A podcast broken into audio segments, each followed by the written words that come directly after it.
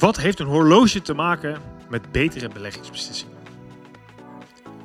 Wat slim dat je weer luistert naar de podcast Je Geld en Of Je Leven. En deze keer een korte serie. Dit is een onderdeel van een korte serie over beleggen. Hoe zit dat nou precies? Hoe doe je het goed? En dit is de derde aflevering. En ik ga nu stilstaan bij een van de blunders die veel gemaakt wordt. En uiteindelijk is het doel om eh, de blunders te voorkomen. Om te zorgen dat je goede resultaten haalt. Deze podcast is zoals altijd mede mogelijk gemaakt door NNEK Vermogensbeheer. Kijk voor meer informatie op nnk.nl.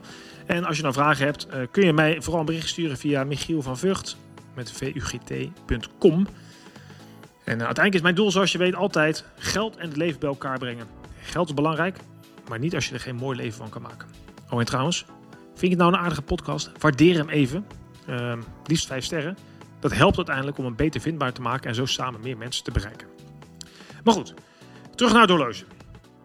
Ik heb uh, een uh, horloge sinds een tijdje. Um, eerlijk gezegd heb ik die gekocht van uh, toen ik mijn duizendste net iets slimmer boek verkocht. Toen zei mijn vrouw, joh, doe nou eens gek, koop eens een mooi horloge. Nou, oké, gedaan.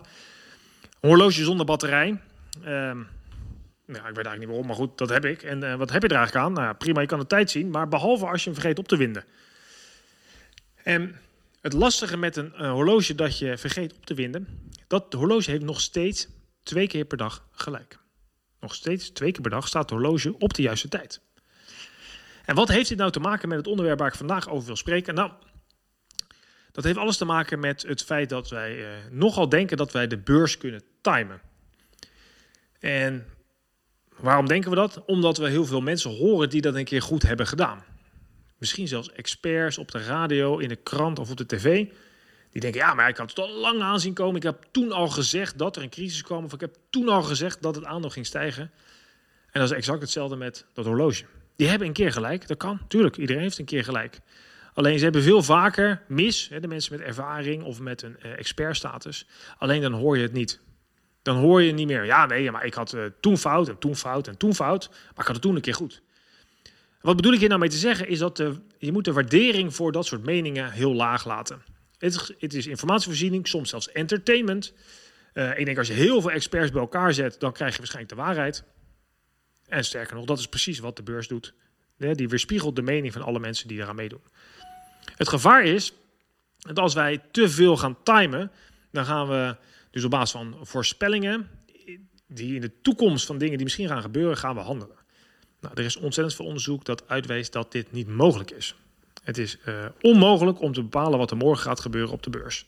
Een prachtig voorbeeld daarvan, uh, ook wel pijnlijk misschien, is natuurlijk de coronacrisis. De impact daarvan, uh, ja, we wisten het niet, dus die beurs ging in een paar weken tijd, de Nederlandse beurs ging meer dan 30% omlaag.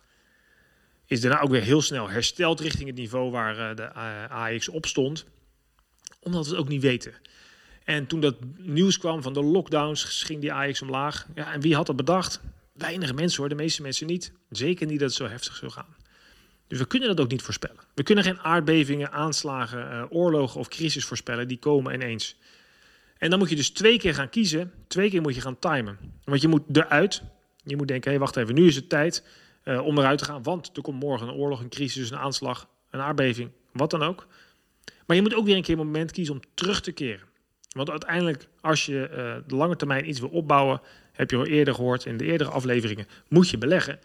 Maar hoe lang ga je dan uit de markt? Wanneer ga je weer terug? En ook dat is een moment dat ontzettend lastig is. Want zijn we dan op het dieptepunt? Is een crisis voorbij? Zijn de gevolgen niet zo groot? Het is heel erg lastig. En zoals ook uh, zeg maar, goede adviseurs in mijn ogen vaak zeggen, je kunt beter time in de market dan timing de market. Met andere woorden, zorg dat je tijd in de beurs houdt of je geld in ieder geval belegd houdt in plaats van dat je dat gaat timen. Er is veel onderzoek naar gedaan en een aardig onderzoek wat ik altijd wel aanhaal is, er is gekeken van, stel je voor je gaat 20 jaar beleggen, wereldwijde aandelen, um, en je stort een bedrag en je blijft gewoon 20 jaar zitten, je kijkt niet.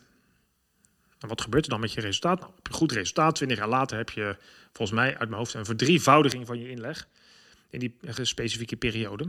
Er is ook gekeken, wat nou als je in die 20 jaar tijd de 10 beste beursdagen had gemist. Nou, wat blijkt? Dan heb je minder dan de helft van je opbrengst die je had gehad als je was blijven zitten.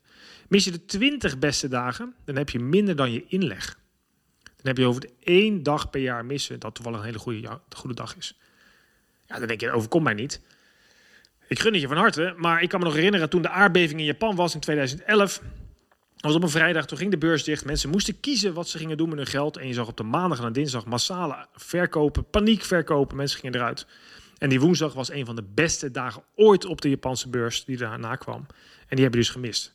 En voor het weet mis je die en daarmee kun je uiteindelijk dat herstel ook minder makkelijk um, waarmaken. Dus ja, uh, ik zou zeggen, pas nou ontzettend op met timen van de beurs. Het is ook helemaal niet nodig, uh, want je belegt voor de lange termijn. Dus waarom zou je de hele tijd bovenop zitten en op korte termijn allerlei zaken doen die, uh, die je alleen maar onrustig maken? Ander interessant feitje in deze is um, onderzoek door Amerikaanse vermogensbeheerder Fidelity. Die gingen na de kredietcrisis eens beoordelen welke van hun beleggers nou de beste resultaten hebben gehaald. Nou, dit heb je eerder gehoord in mijn podcast met Andy Hart, uh, ergens in juni 2020. Um, maar het onderzoek wees uit dat de mensen die overleden waren, die hadden verreweg de beste resultaten. Gevolgd door de mensen die op een gegeven moment vergeten waren dat ze nog een beleggingsrekening hadden bij die vermogensbeheerder. Het is eigenlijk bizar als je erover nadenkt. Die hebben helemaal niet bedacht, oh, we moeten eruit, we moeten erin. Die hebben niet geluisterd naar uh, zogenaamde experts, mensen die het goed weten. Nee, die hebben een strategie gekozen van niet kijken, vasthouden. En dat is op lange termijn absoluut de beste beleggingstip die ik je kan geven. Kies de lange termijn.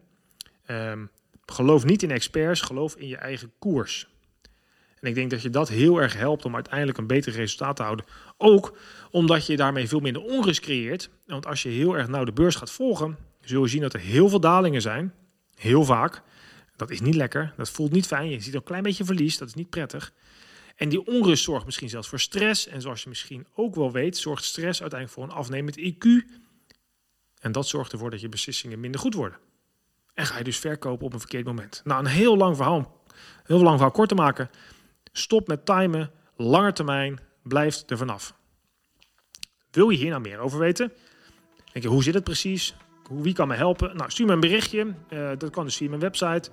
Of kijk op nnk.nl, daar kunnen we je ook een uh, onafhankelijk adviseur aanraden. Uh, wij gaan je nooit zelf adviseren, maar doen dat altijd.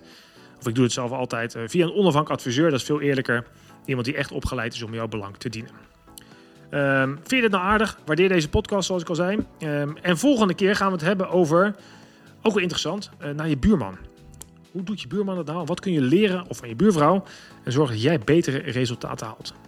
Dankjewel voor het luisteren. En ik wens je voor nu weer een hele fijne dag verder.